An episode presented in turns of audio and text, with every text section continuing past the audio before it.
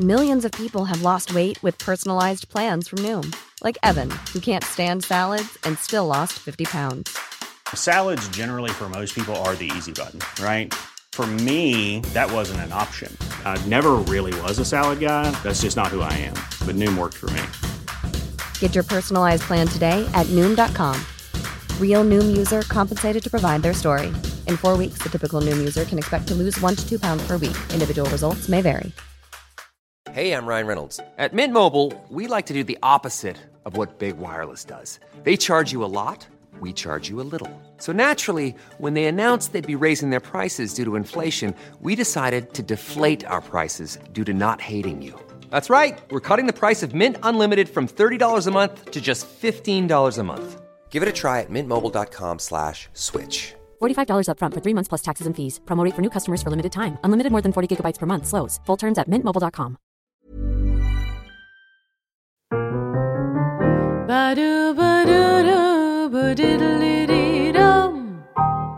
Kära lyssnare, kollegor, älskare och vänner. Varmt välkomna till Burlesque-poddens allra sista avsnitt. Vi sitter här på Custom Music Productions med Andreas Hedberg bakom ljudspakarna som sköter ljud och redigering och mig som ni hör prata, jag heter Aurora Brännström. Allt är som vanligt, men det är inte som vanligt för det här är vårt allra sista avsnitt. Jag ska återkomma till det och kanske summera de här tre åren som Burlesque-podden har funnits här för er. Men eh, jag tänker att eh, som sagt vi tar det på slutet. Nu vill vi ändå ha ett eh, fantastiskt bra program här först. Det tycker jag att vi alla är värda efter den här långa väntan också. Det var ju ett tag sedan vi sände. Så, nog pratat från mig. Jag ska presentera min gäst och det är faktiskt ingen mindre än min äkta man och min partner in Music and Crime, Ludvig Lundgren. Varmt välkommen. Tack Aurora.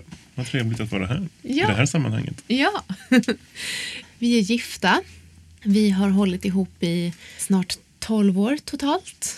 Så vi känner varandra ganska väl. Det får man säga. ja, och vi har företag tillsammans.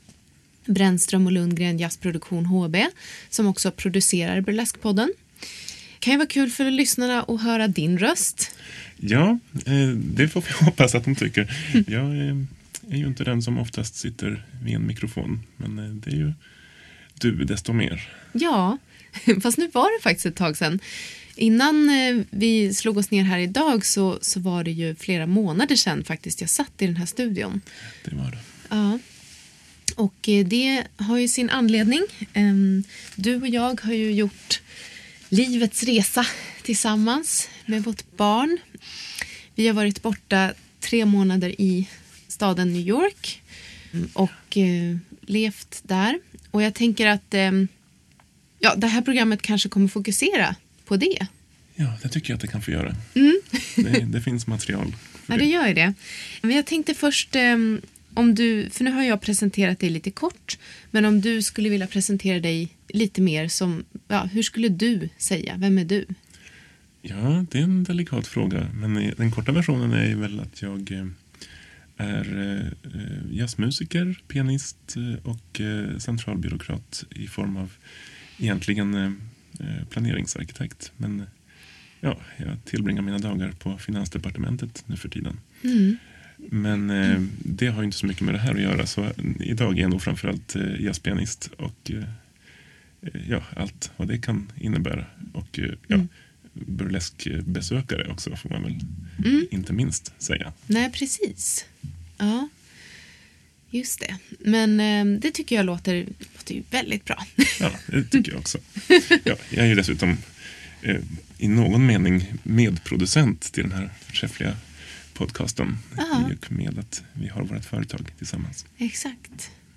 Och det är ett nöje i sig. Ja, ja men det är, det är fantastiskt. Som sagt, vi jobbar ihop, vi lever ihop och vi har rest ihop. Yes. Och jag tänkte vi skulle prata lite grann om den här resan som vi har gjort till New York. Jag berättade ju lite grann om den innan vi åkte. I senaste programmet så berättade jag lite om intentionerna och tankarna kring det. Och eh, ja, nu ska vi prata om hur det blev. Just det. Blev det, så, blev det som vi tänkte? Ja. kan man fråga sig. Upplägget var ju så att det var du och jag och vår fyraårige son och sen min syster som åkte tillsammans. Och vi hade då hyrt en lägenhet i Brooklyn och skulle tillbringa tiden tre månader där. Och eh, ja, det vi hade tänkt var väl liksom att uppleva New Yorks jazzliv. Um, vi har ju varit i New York två gånger tidigare och fått en liten smak för det. Det händer ju väldigt mycket i den staden. Eh, det finns ju väldigt mycket musik, liksom. många klubbar och mu- många musiker och sådär. Så vi ville uppleva det och också såklart se mycket burlesk. För du och jag har ju det intresset gemensamt. Ja, och det, det blev en hel del av den varan. Inte minst av eh, jazzvaran. Mm. Eh, blev det ju desto mer av. Men eh, även en hel del burlesk-evenemang. Mm. Precis. Så jag tänker att eh, det är väl kanske det vi ska fokusera på. Det här är ju ändå Burleskpodden. Det är ju det. Så, men vi kan ju kanske bara säga det att eh, åker ni till New York som ett litet tips, liksom, besök eh, Smalls Jazz Club, Mesrov, Village Vanguard, eh, Birdland, mm, Jazz at Lincoln Center. Det finns ju massor med jazz. Vi kan erbjuda en lista Mm, det kan vi göra till faktiskt. den som Ja. är intresserad. Men så New Yorks eh, burleskscen då? Det blev ju inte så jättemycket. Vi kanske hade önskat oss att vi hann se mer. Men vi har ju besökt eh, såklart festivalen. Ja, den var ju en, en, stor, en storslagen historia Mm. i sig. Exakt. Eh, The New York Burlesque Festival. Precis. Och den har vi faktiskt besökt en gång tidigare också för några år sedan. Mm. Men eh, nu eh, var vi ju med i någon form på i alla fall tre olika kvällar. Mm. Och det var... Ja, de hade inte sparat på krutet kan man väl sammanfatta det. Nej, verkligen inte. Det var, det var mycket. Ja, Eh, vilket man väl kan säga om det mesta i New York, att det är mycket. Mm. Det är ett, ett sammanfattande ord för det som händer i den stan. mm. Så det var en, eh, en eh, diger uppsättning av artister ja. och olika eh, platser som det äger rum. Det var ju väldigt olika kvällar. Vi gick ju på tre av fyra dagar. Och det första var ju på The Bell House, ett lite mindre ställe med lite mer eh, edgy nummer kan man väl säga. Lite mer underground-känsla. Ja, så får man nog kalla det. Ja, och sen så var vi på, på fredagen så var det på The Brooklyn Bowl. Och då var det ett helt annat upplägg, en helt annan typ av publik. Lite mer bara klassisk striptease kan man väl säga. Det jag kände som, som vi har pratat om lite grann, du och jag, är ju att den kvällen var lite mer så här att man, man såg inom situationstecken typ samma nummer om och om igen. För att alla gjorde lite på samma sätt. Och det, det var väldigt spännande att se för att det är man inte riktigt van med här i Sverige. Här är ju burlesken ganska brokig. Och där var den liksom, det var typ samma stuk på alla nummer. Vilket, nu låter det jättetråkigt. Det var inte tråkigt men, men det var ändå så här, ja, det var något annat. Ja, kanske att de försökte rikta sig till en lite bredare publi- publik på det sättet. Så att det, Mm. det skulle inte vara för konstigt så att säga. Utan, Nej. eh, utan mer eh, Get to the point. Ja, liksom. precis. Någon slags lite mera eh, allmän uppfattning om vad burlesk borde kunna vara. Mm. Sådär. Eh, och eh, det kan ju vara roligt när det görs bra. Vilket eh, det var i det här fallet. Mm. Men som sagt, man kanske inte fick hela bredden av vad burlesk kan innebära. Nej, precis. Det tror jag nog att man fick mer på torsdagseventet där. Ja. På Bell Ja. Det, det fick man definitivt. Mm.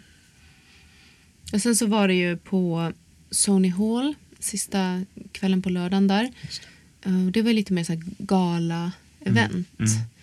Med lite mer storslagen inramning. Mm. Ja, eh, det var det. Men det var, det var också väldigt roligt. Det var, det var ganska brett ändå. Det, det som var Mm. eh, värt att nämna där tycker jag var att det var väl i princip jämn könsfördelning på artisterna. Ja. Det var, var väl ja, både boylesk och burlesk så att säga. Mm. Eh, vilket man inte är helt van vid. Det brukar ju ändå vara kvinnlig övervikt på, på scenen. Eh, men, eh, men där hade de försökt eh, sprida ut det jämnt. Man får väl anta att det var mycket medvetet gjort då. Mm. Ja, nej men det har du rätt i. Det, det har jag inte tänkt på, men, men det, så var det ju faktiskt. Och det är ju väldigt kul att det går. Liksom. Trots att det, det, det är ju en övervikt av kvinnliga artister Mm. mm, sådär överlag. Men att de hade fått ihop den showen. Ja. Som ju naturligtvis var, var, var väldigt queer också, som, som sig bör Mm. eh, förstås. Eh, Mm. Så det är inte alltid helt lätt att, att definiera Nej. könstillhörigheten Nej. på den som står på scenen. Det är ju lite av grejen också. Mm, nej men det är sant. Ja, Vi kan ju bara anta ja, egentligen. ja precis. Ja, precis. Vilket Mm. ju också konferencieren som var en komiker vars namn jag tyvärr har glömt eh, nog, eller själv utgjorde ett exempel på, gjorde, Ja. gjorde liksom en, en grej av Ja, också. Att, eh, Ja. att eh, påpeka att för alla som sitter och funderar på vad fasen är det där för en, är det en han eller hon? Ja, Mm. de, ja, hon så att säga skämtade själv ganska mycket om det. Ja, just det. Ja, det var ju det var väldigt bra, bra poängterat. Ja. Liksom. Ja, Det- sa jag hon förresten själv, för ja, det var min egen definition. Ja, Ja. jag skulle nog ha sagt han. Ja, just det. Ja, ja. Vi håller det öppet. Ja. Ja. Nej, men så är det ju. Att eh, Det är en väldigt queer inramning och det, I like it. Verkligen. Det var ju lite olika typer av event. På, på The Brooklyn Bowl så, så hade de ju också eh, försäljning av olika grejer Yes. som liksom gjorde, gjorde någonting till stämningen. Ja. Sånt tycker jag är väldigt kul. Man Ja. kunde köpa liksom underkläder och pasties och coloring books och allt vad det var. Ja. Och det känns ju också lite grann som en, en amerikansk eller, eller en New York-grej, vad det nu kan vara. Varenda, varenda jazzklubb, för att dra den parallellen, har ju en egen liten souvenirshop med, med tröjor och koppar och, Ja. och vad det kan vara för någonting. ja, Och det här var ju lite samma grej, fast lite roligare utbud. Det var inte bara Mm. tröjor och koppar. nej. Men tröjor och koppar och, och kepsar, det känns som så här, det är standard på, Ja. på klubbar i New York. Det bara måste finnas där. Och, Ja. ja. tydligen. Kanske en stor inkomstkälla för dem. Ja. Kanske vi skulle starta upp här i Sverige också. Ja. Lite mer merch åt folket. Ja, nej, det är väl alltid roligt att ha en snajdig tischa med sig hem. Mm. Ja, inte alltid kanske. Nej, det beror på. Men, ja. Nej, och sen eh, den här galakvällen så var det ju det var lite annorlunda också där för att då fick man ju det var ju sittande publik vid eh, långbord liksom. Så det blev en speciell stämning där. Ja. Medans på fredagseventet på Brooklyn Bowl så stod man. Liksom. Mm. Det gör ju någonting med... Det blir ju olika stämningar, olika känslor att gå på ett event om, man, om det är stående publik eller sittande publik. Liksom. Och om det finns saker runt omkring som de här försäljningarna liksom, som tar uppmärksamheten så blir det ett stökigare event, tänker jag. Yes, eh, så är det förstås. Ja, nej, men där var det lite mera eh, ja, den gala inramningen där folk sitter med sin dryck och ja, rent av sin mat Mm. och, och ska få showen till det så att säga. Ja. Men eh, det var också, kan vi väl inflika, en ganska spännande eh, lokal, säger jag som Mm. tycker om lokaler generellt. Ja. Eh, eh, Sony Hall som den nu, numera heter, den ligger alltså i källaren på ett av de mera klassiska hotellen på Manhattan, Paramount Hotel. Och de gör en stor eh, sak av att där har de minsann festat i många tider. Och var det, eh, var det Fred Astaire som hade gjort sin scendebut där och hur det nu var. Ja. Ja, det var, det var många som hade varit där. Ja. att säga. Och nu har de då fräschat upp och renoverat den här lokalen. Men eh, ja, den har kvar ganska mycket av sin gamla skärm. Mm. Tyckte den kändes ganska retro. Jo, jo det, det var ju så onekligen. Så det var festivalen.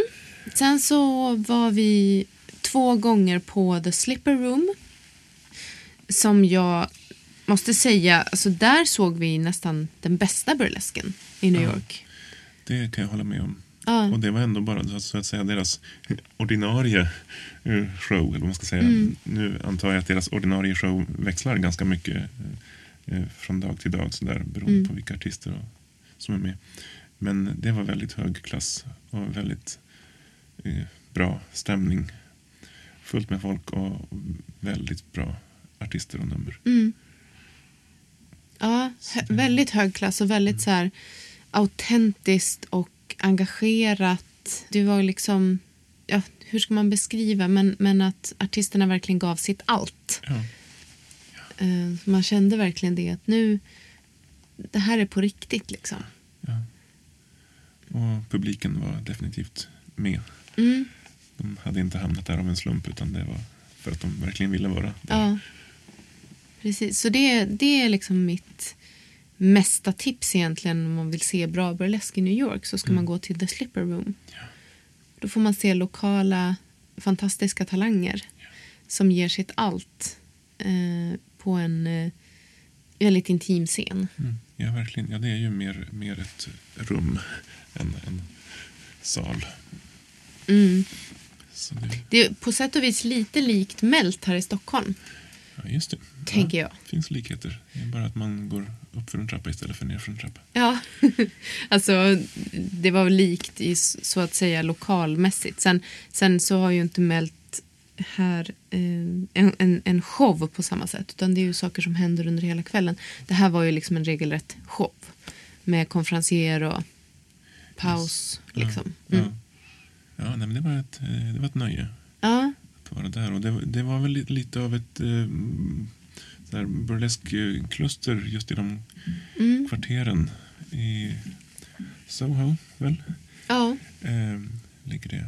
Eh, och det fanns eh, fler ställen där i närområdet också. Mm. Bland annat det som heter Nurse Betty tror jag. ja just Låg det. inte långt Ja. ifrån. Och undrar om inte det här uh, Dwayne Park var i den häraden också. Mm, kommer inte ihåg, vi kom ju aldrig dit. Nej, bara nästan. Bara nästan. ja. Nej, men för, för att vara lite personlig så, eller privat så, så var det ju inte helt lätt att resa med en fyraåring. Eh, nej vars, eh, det har sina sidor. Ja. Eh, kan nog alla som eh, har eller har haft en fyraåring eh, ha viss förståelse för, Mm. tror jag. Eh, det är en annan sak att ha ansvar för sitt barn eh, dygnet runt i sju Mm. dagar i veckan än att ha det på förskolan varje dag. Ja. Så eh, ja, det var något av en utmaning. Men Mm. eh, han fick sig nog minnen också. ja, jag hoppas det. Men han eh, kan säga att han bestämde ganska mycket över oss Mm. och vi kom kanske inte ut så mycket som vi hade hoppats. Nej. Men nej, men det blev ändå så några väldigt fina minnesvärda kvällar. Du och jag var ju också på House of Yes Det ska vi inte glömma. eh, i början av resan där. Det var väl egentligen det första klubbbesöket. Det var det nog. Då var vi... Det, det, jag vet inte om man ska liksom räkna in det till burleskklubbar. Ehm, Ja, men det, det är väl besläktat på något sätt. Det är ju en väldigt, eh, som, som namnet antyder, en väldigt eh, bejakande eh, klubb. Mm, Eh, och de har väl ett och annat eh, burlesk-event där också. mm, Men de har mycket annat också. mm, Bland annat det här House of Love som vi, som vi besökte. Då. mm, precis. Och det, ja, det, Det, också det är ju besläktat med till exempel vissa klubbar här i Stockholm som Decadans. Mer än burleskklubbar, kanske just det eventet i alla fall. Ja, Ehm, där man liksom, där är en, en strikt dresscode som man ska följa och där det finns liksom ett litet regelverk kring hur man ska bete sig och sen så sen när man väl har liksom kommit in dit så är det väldigt så här öppet och fritt och ja, men som du säger bejakande, eh, lustfyllt. Ehm, ja, väldigt sexpositivt för att använda ett ord som du brukar använda. Det kan man säga. Mm. Ja. Ja, kan du beskriva, vad är House of Yes och vad är det där eventet? Ja, det här eventet. det- Det är inte helt lätt att, beskriva, men det är ju en klubb som lockar till sig eh, ganska frisinnade eh, personer. Mm. Och den här klubben har ju en, en eh, dresscode som i princip innebär att det ska vara ganska, ja, jag vet inte om kinky är rätt ord. Det är lite mera, ja det, det är underkläder av olika slag och det är, det är naturligtvis mer fetischinriktat också. Lite Mm. eh, läder och latex och sådana prylar. Men, men inte så där strikt att det måste vara eh, specifika material som för att jämföra med till exempel dekadans här i Mm. Stockholm. Eh, utan det är mer att eh, huvudsaken är att det ska kännas bra och vara eh, allmänt eh, lustfyllt. Sen får man liksom Mm. lägga in lite vad man vill i det, Mm. i det ordet. Där. Nej, men sen är det, det är en klubb med fantastiskt bra dansgolv eh, Mm. och med en massa eh, glada människor som är allmänt öppensinnade. Ja. Men, eh, ja, precis. Det är ju liksom inte... De har ju inte kanske en show direkt, men det händer ju saker i lokalen hela tiden. Mm. De har ju liksom... Ja, men det kan vara allt från dansare till akrobater, ja. DJs. Ja, Första gången vi var där vill jag minnas att det var en eh, artist som, en sån här som, eh, som hängde i sitt eh, hår. Mm. Eh, och- Ja, precis. Vi var ju och, på eh, det eventet förra gången vi var i New York också. Mm, Mm. ja, det var, det var roligt även då. Ja. mm. Nej, men jag tycker att det är väldigt kul att, att gå på liksom den typen av klubbar där man får klä upp sig lite och Mm. liksom träffa folk som också har engagerat sig för att liksom känna sig sexiga eller bekväma. Eller... Eller bara allmänt sprakande. Mm. Det blir ju väldigt roligt att vara på en sån plats och bara Ja, man behöver inte vara blyg för att titta på folk för alla vill att man ska titta på dem. Mm. Eh, Så det är det alla gör också. Mm. På ett, ja, på ett fint och positivt sätt. Ja. ja, men verkligen. Det är väldigt tillåtande på det sättet. Ja. Så det är ju också ett tips, att besöka House of Yes. Ja, ja verkligen. Det Mm. kan varmt rekommenderas. Mm. De hade ju, vi var ju där två gånger faktiskt under resan. Vi var ju där på en, marknad också. Ja, det var väl rena slumpen att det råkade vara en marknad Ja. just den dagen. Så det Ja. passade ju väldigt bra. Ja, vi skulle ju bara gå dit för att, att visa min syster vart vi hade varit. Det var dagtid, en regnig dag. Så kom vi förbi så var det liksom kö där utanför. Jaha, vad, vad händer här? Och så var det världens marknad och, och dagen till ära idag så har jag faktiskt på mig ett eh, fynd just därifrån. En blus som jag tycker är väldigt snygg. Ja. De sålde ju lite så här scenkläder, lite extravaganta grejer. Det var mycket glitter och mycket paljetter. Ja, det var det. Eh, det tyckte jag var kul. Nej, men det var väl liksom den burlesken vi hann att se i New York. Ja, det var väl det. Och det kändes ändå som att det fick oss en rejäl dos. Mm. Ja, men faktiskt. Sen hade vi ju liksom ambitioner att vi skulle gå på Duane Park, vi skulle gå på Nurse Betty, vi skulle gå på The Box. Men det blev inte av. Av Men- olika anledningar. Nej.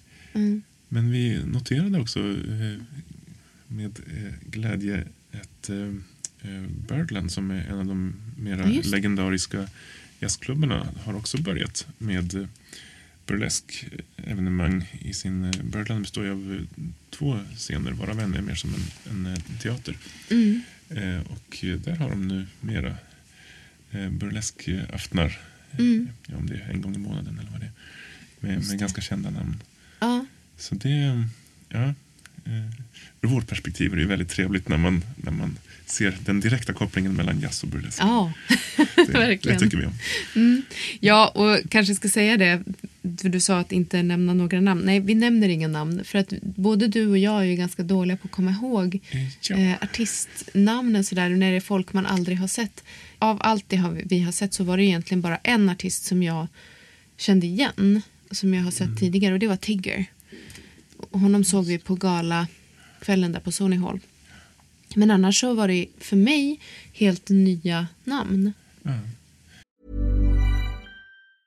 As a person with a very deep voice, I'm hired all the time for advertising campaigns. But a deep voice doesn't sell B2B, and advertising on the wrong platform doesn't sell B2B either. That's why, if you're a B2B marketer, you should use LinkedIn ads. LinkedIn has the targeting capabilities to help you reach the world's largest professional audience. That's right, over 70 million decision makers all in one place. All the big wigs, then medium wigs, also small wigs who are on the path to becoming big wigs.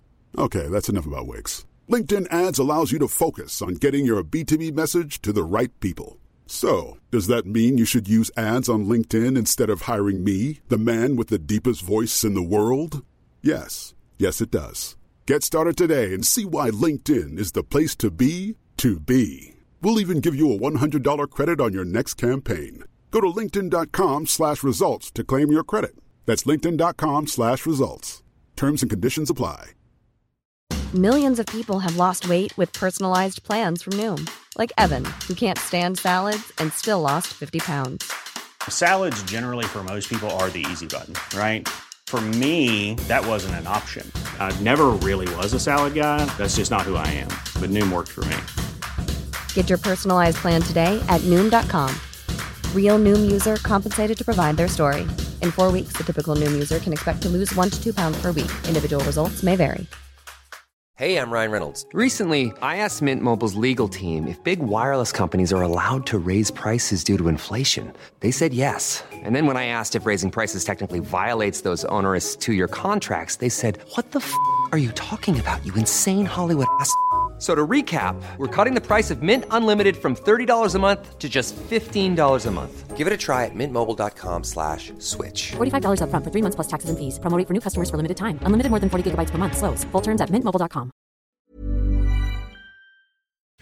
Ja, och det, det visar väl att det finns en, en återväxt. Mm. Eh, Precis, precis som här hemma, får man väl säga. Ja. Men ja, men visst är väl ändå det liksom hoppfullt att så här, det finns ju ändå många som håller på med den här konstarten. oh ja, verkligen.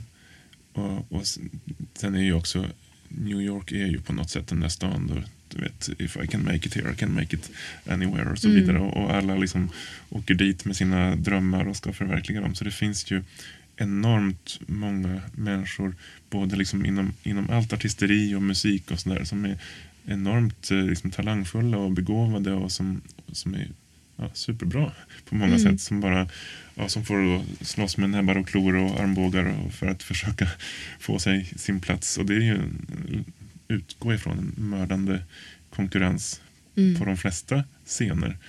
Eh, och det är naturligtvis hårt för dem som försöker få plats på scenen men för publiken blir det ju positivt eftersom det verkligen blir väldigt bra artister som faktiskt kommer som får utrymmet till Ja. slut. Sen om det är de bästa artisterna eller inte, det, det vet vi ju inte eftersom vi inte får se dem vi inte får se. Nej, Nej det är sant. Ja. Ja, men precis, apropå det, då släpper vi burlesken lite grann. Men liksom våran... Vi har haft lite olika tankar kring den här resan. Vad, vad det skulle komma ut för våran del att vara där. Liksom. Den stora, storslagna tanken var väl liksom att we're gonna make it in New York med jazzen. Men den storslagna idén, den, den la ju vi ner Ja, redan innan vi åkte dit. Redan innan vi... ja, fast, fast eh, innan vi åkte dit så visste vi ju inte hur, Nej. vad, vad som skulle hända. Nej. Men så det vi gick in för, för vi märkte ju att det, det är ju en otrolig konkurrens som sagt. Det vimlar ju av fantastiska musiker. Så det vi gick in för när vi var där var att, att lyssna. Att försöka ta till oss av vad andra musiker har att ge. För att liksom ta med oss det hem. Eh, sen hade ju vi turen att eh, vi fick ju som fin kontakt med Svenska kyrkan. Eh, och så där knöt vi ju kontakter och eh, där spelade vi också ett par gånger. Mm, så att vi, vi, har ju, vi har spelat i New York, om än på Svenska kyrkan. Jajamän. För- ja, det var ett nöje i sig. Amerikasvenskar. Ja. Men Ja. Svenska kyrkan i New York. Det får väl vara det stora tipset för svenskar i New York som börjar känna hemlängtan Ja. och inte vet vart de ska ta vägen. Gå dit och ät kanelbullar och ha det trevligt. ja, det var ju faktiskt de facto så att, att eh, Esaias längtade hem Ja. då och då. Eh, I perioder ganska mycket. Liksom. Och han tyckte att det var jobbigt att inte förstå vad folk sa. Han pratar ju inte amerikanska. liksom. Och då, då blev ju Svenska kyrkan våran liksom, ja, men räddning i det. Att dit kunde vi komma och hänga och det fanns ett barnrum och folk som pratade svenska. Ja. Jo, men det är en väldigt fin plats. Mm. Så jag, jag, jag vill verkligen säga tack till, till Svenska kyrkan i New York. På, för allt. Tack för allt. För det, det hjälpte oss att liksom behålla lugnet när, ja, när Esaias hade sina hemlängtningsattacker. Och, eh, men också att vi hittade ett forum där vi kunde utöva vår musik. Ja, verkligen. Nej, men det var en trevlig liten scen att- Mm. spela på. Både i själva kyrkorummet och i deras lilla eh, kafésalong, eller vad man Mm. ska kalla det. Eh, det är en fin plats Ja, det tycker jag. med trevliga människor. Ja, verkligen. Ja, men ehm, vad, vad tycker du annars? Liksom, vad, vad har du tagit med dig från New York till ditt liv? Oj, oj, ja, det är en storslagen fråga. Eh, om, man, om man tar den, eh, den delen av livet som är musik, och det är en ganska, Mm. ganska stor del, eh, eller liksom ja, kulturella intryck om man säger Mm. så. Så är det, ja, det, det fyllde verkligen sitt syfte som inspirationsresa. Och, Mm.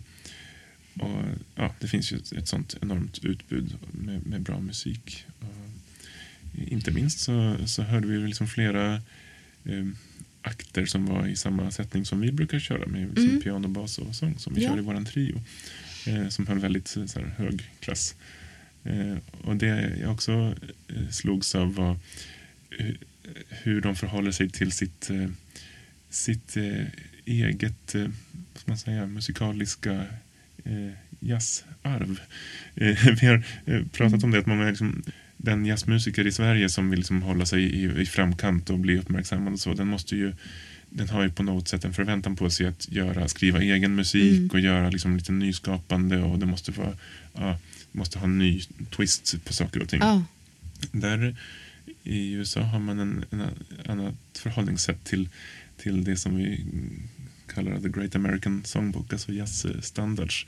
Vilket ju är en enorm låtskatt som de verkligen förvaltar. Och även en, en jazzmusiker som är liksom högt eh, uppburen och, eh, och eh, känd och har sitt utrymme kan eh, utan att bli utan att behöva skämmas för det. verkligen, han kan köra standardlåtar. Eller hon, och, och tolka dem eh, på sitt sätt. Och, och, det, och det gör de verkligen också med mycket omsorg och eh, Mm. kärlek skulle jag säga. Eh, och eh, jag, jag hör ju själv till de musiker som alltid har tyckt att äh, varför måste man hålla på och skriva nya låtar när det finns så himla många bra låtar redan Mm. som man kan, som man kan ta till sig och göra till sina egna. Det är Mm. liksom så man alltid har gjort i, i jazzsvängen. ja. Det tycker jag är trevligt att det, det finns andra som tänker Ja. så också.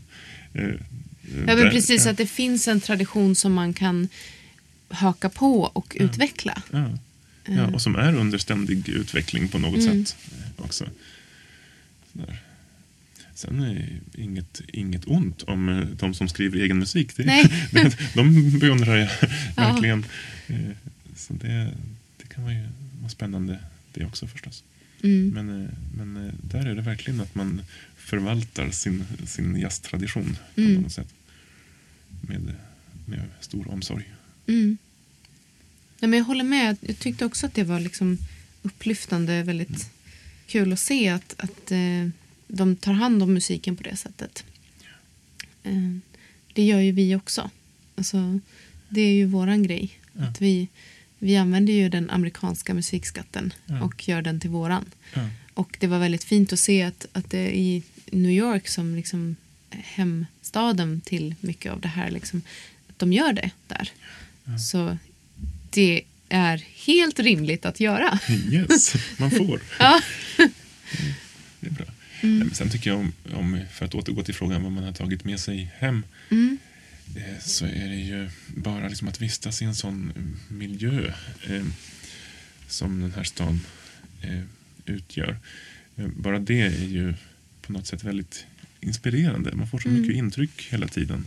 Och det på något sätt ja, det läggs till lager på lager inombords på något sätt och, och, och blandas runt. Så kan man på något sätt få ut någonting av det där. Och det kan ju vara liksom eh, sånt man ser och hör. Och, och när det kommer till musik så är det ju både sånt man kanske eh, lyssnar på någon, någon storslagen jazzklubb eller någonting som man bara hör på gatan. Någon som står och spelar eller på tunnelbanan eller vad det kan vara. Där. Det tycker jag. Man får lite ny livsenergi av sånt. Och så tar vi med oss lite ny, nya låtar. Ja, inte hem. minst. Mm. Jag tänker... ehm, Nu har vi pratat lite om New York och New Yorks burleskscen och lite om jazzscenen också. Men eh, det skulle vara intressant, för det här, det här har inte du och jag pratat så mycket om egentligen. Nej, det här med burlesk liksom. Eh, För vi har ju intresset gemensamt att vi, vi tycker om att gå och titta på burlesk. Ja. Det har vi gjort i många år, du och jag. Men liksom med allt det här sagt nu som vi har sagt och, och med om man lämnar New York och tittar på liksom burlesk som konstform. Vad är bra burlesk för dig? Oj, eh, ja det, det var också en fråga. Eh, Du har ju ändå sett ganska mycket burlesk. ja, men vid det här laget så ja, har, har vi sett en del. Och eh, ja, alltså li, liksom de flesta andra eh, konstformer så vill man ju bli berörd. Man vill liksom ja, känna någonting. Och det kan vara en, för min del, det får gärna vara en ren liksom, skönhetsupplevelse. Alltså, det bara, åh, vad, vad snyggt det här var. Liksom. Och vad, vad vackert det var med den här kostymen och den här koreografin och det här liksom, uttrycket. Ehm, så på det viset så får- jag väl... Jag, kan väl säga att jag liksom gillar mer klassisk burlesk sådär, för att det är så himla, det är så himla vackert helt enkelt. Men sen så, alltså det är ju också väldigt roligt med, eh, med eh, variation och mångfald. Så det blir allt, man, man vill ju också ha det där som sticker ut. Som, som är, som är lite, lite galet eller lite mer humoristiskt eh, eller mer politiskt för den delen, vilket det ju ofta är. Eh, burlesken är ju på något sätt politisk i sig, eh, skulle jag vilja säga. Ja, så, men ja, vad som är bra burlesk, det är, Ja. det är Ja. man vill bli berörd. Det är väl det enda eh, man kan säga. Och blir man det, då, då är det bra. Ja. Jag har tänkt mycket på, om jag ska svara på den frågan, så har jag tänkt mycket på det vi, det vi också har pratat om gällande liksom musiker. För nu när vi var i New York så gick vi på extremt mycket musik. Och varje gång vi gick hem från en konsert så, så var det som att vi direkt började analysera liksom, vad var det vi såg och vad var det som var bra, vad var det som var mindre bra. Och, och en sak som vi alltid liksom hamnade i diskussionerna kring det är ju det här med publikkontakt. Är Eh. så otroligt viktigt. Ja, och jag tror att när jag försöker ransaka mig själv liksom och så här, varför tycker jag om burlesk och vad är det jag tycker är bra burlesk så landar jag nog där. Att jag vill känna att personen på scenen är självklar artist som har publikkontakt. Jag vill, jag vill att det ska vara det ska vara där, här och nu. Och det ska inte vara liksom att man ser att, att artisten... Jag vill verkligen känna att artisten älskar det den gör och är i stunden med publiken. Och har kontakt med publiken och kontakt med sitt eget artisteri i det. Liksom. Då tycker jag att det blir bra. Det, det värsta jag vet det är artister som... och det, Okej, det, det kan ha med nervositet att göra. Men när man börjar flacka med blicken till exempel. När Man är inte riktigt fokuserad. Liksom. Eh, och, det är samma sak med musiker. Jag, jag tycker liksom att står man på scenen då har man ett ansvar Ja, som artist att ta in publiken. För det är de som är där, här och nu och ska ta del av det här. Så det är jätteviktigt med publikkontakt. Ja. Och där kan man väl säga att eh, många jazzmusiker har mycket att lära av burleskscenen. Ja. För, ja, burleskscenen det är ju verkligen eh, publikkontakt i, i fullkomligt avgörande. Ja. Liksom. Det, är, det är ingen som sitter och ser, eller kanske man kan, men det är inget roligt alls att se ett burlesknummer på en TV. Liksom. Det är ju helt, helt meningslöst. Man måste ju vara där. Ja. Det måste ju vara nu och här. Och, Mm. och, och man måste ju verkligen ha den där kontakten. Ja. I, i, liksom, i jazzbranschen, om man säger så, bland jazzmusiker, där, där finns det ju, jag ska inte säga att alla är så, men, men eh, det finns en, en kultur av att eh, ja, men det är bara mus, musiken som räknas. Alltså det, det är hur det låter och det är inget annat. If it sounds good, it is good. Som man säger. Och, och det är ju en fin tanke liksom att här, här handlar det om musiken och ingenting annat. Hur låter det? Liksom. Och det är många jazzmusiker som tolkar det där som att det spelar ingen roll liksom, vad de, hur de ser ut på scenen eller vad de har på sig eller, eller om de står med ryggen mot publiken eller, eller tittar upp i taket. Ja. Eller sådär. Utan det, det, det har ingen betydelse för det bara spelar roll hur, hur det låter. Och det är ju alltså det är klart att alltså, bra musik är bra musik och det finns en kvalitet i det. Men det blir ju bara så mycket roligare och så mycket bättre om den här publikkontakten finns. När man verkligen känner att att den här mm, musikern som står där, den verkligen ge, ja, öppnar sitt hjärta och, och skänker någonting till oss som sitter här. Och, och det är ju liksom en, en, en gåva som man får. Nä- Nästan får ja, För då tycker jag att man blir berörd, ja, som du säger. ja, När man känner att man blir inbjuden av artisten att delta i stunden. Att så här, jag får titta på dig som står på scenen men du tittar också på mig. Och vi har något slags samspel. ja. Eh, Det tycker jag är häftigt. Då blir det bra burlesk. Och jag, jag älskar artister som leker med ansiktsuttryck. När man ser liksom varenda rörelse att så här, det händer någonting i ansiktet. När det, det finns en medvetenhet i det.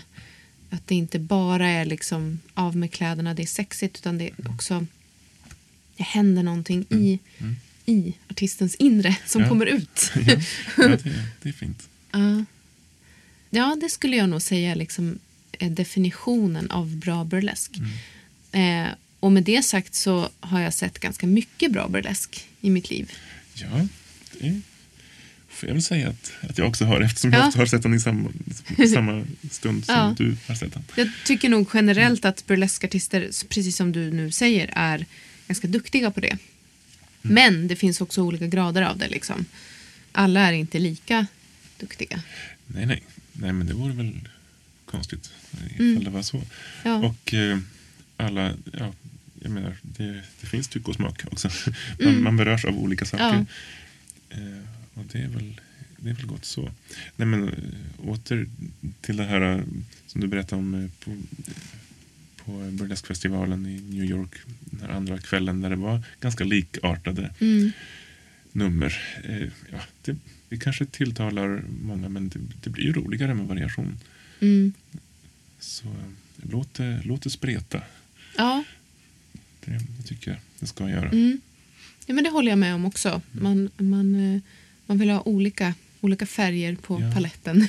Och det är väl därför det kanske är så bra att en, en, liksom, en, en klassisk burlesk show är ju ofta uppbyggd av ett flertal artister. Mm. Det är inte bara, det är, inte, det är väldigt sällsynt med soloshower. Mm. Eh, sådär. Och, och det är ju bra för det skulle inte bli lika roligt alls med en soloshow. Nej, Och väldigt krångligt för artisten också som måste byta kostymer och smink och så. det skulle jag vilja se Ja. faktiskt. Ja, ja, jo, men det finns säkert en och annan som skulle kunna leverera en sådan show. Ja. Eh, Jag ska men ju gå på Dita Fontis i vår. Just det ska det. bli väldigt spännande. är det upp till bevis Ja, om det går. nej men precis. Man är ju man är kanske lite bortskämd med det där också. Att, att det ska hända saker hela tiden. Och eh, ja men eh, nu eh, i helgen som gick, nu när vi spelar in det här programmet så var ju vi också i Åbo, Finland och eh, spelade på ett stort burlesk-event. Eh, och Burlesque Goes Logomo Teatro. Och eh, då var vi över tillsammans med Frauke, Fräulein Frauke och Seymour Bottoms som var liksom den svenska delegationen, lilla artistgänget där. Och vi, vi umgicks ganska mycket under den här helgen och jag, jag pratade ju, vi pratade ju ganska mycket burlesk, liksom. det, det gör man, man hamnar där. och jag sa det till Felicia också och jag vill säga det nu ifall du lyssnar att jag älskar din klubb Och jag tycker att det ni gör med Fräulein Frauke Presents är fantastiskt.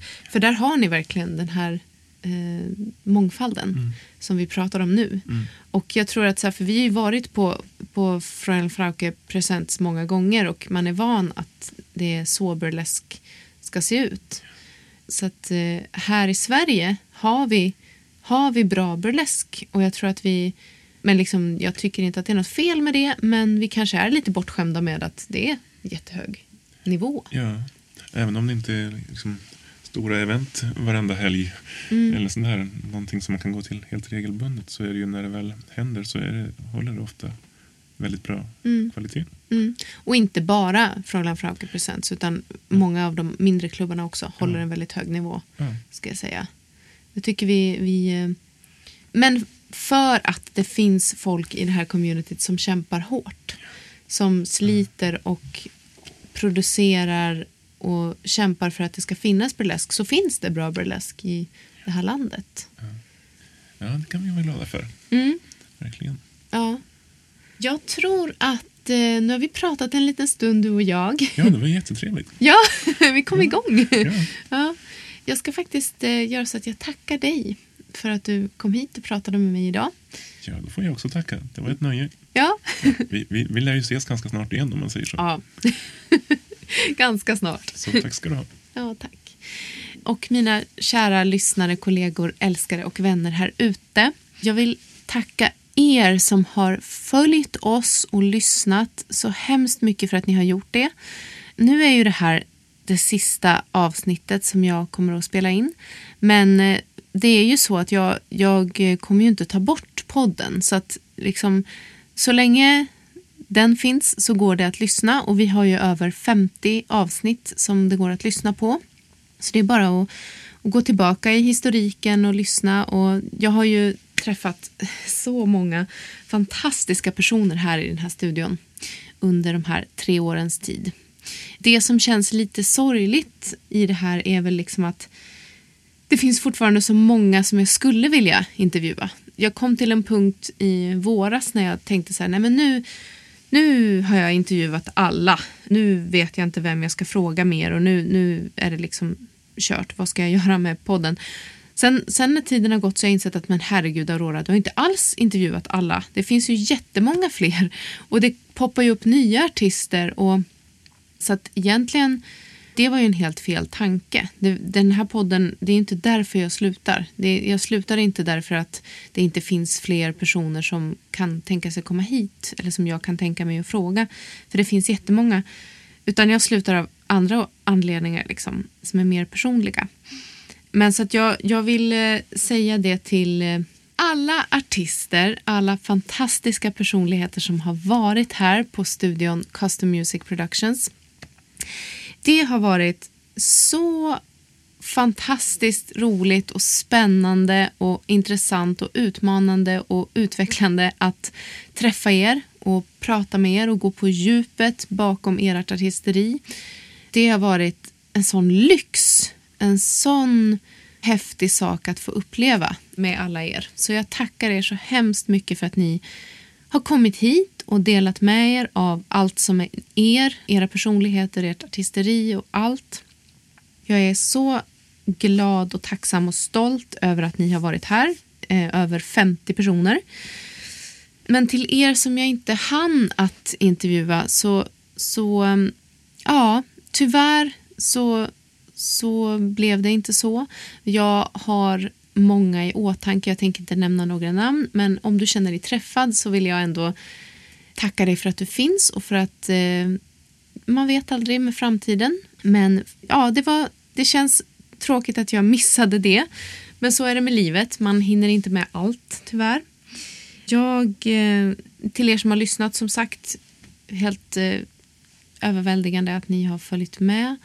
Att ni har velat lyssna på min röst och på mina gästers alla, allt prat. Jag är faktiskt väldigt eh, glad och stolt över den här podden.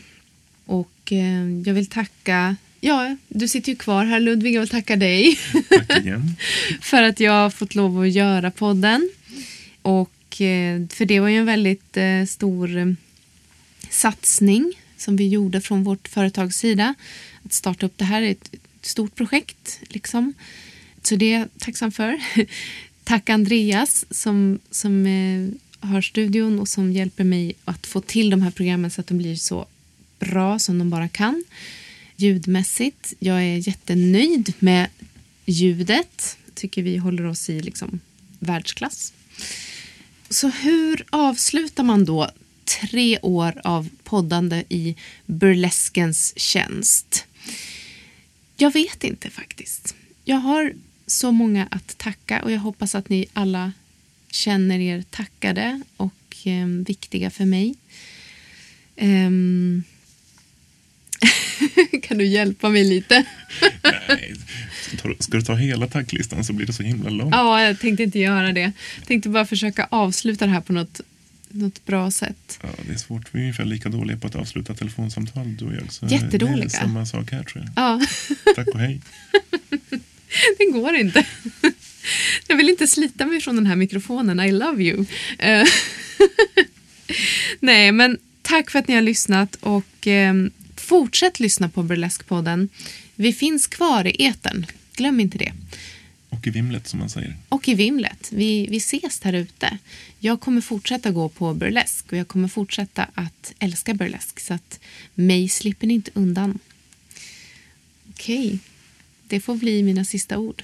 Mig slipper ni inte undan. Hej då!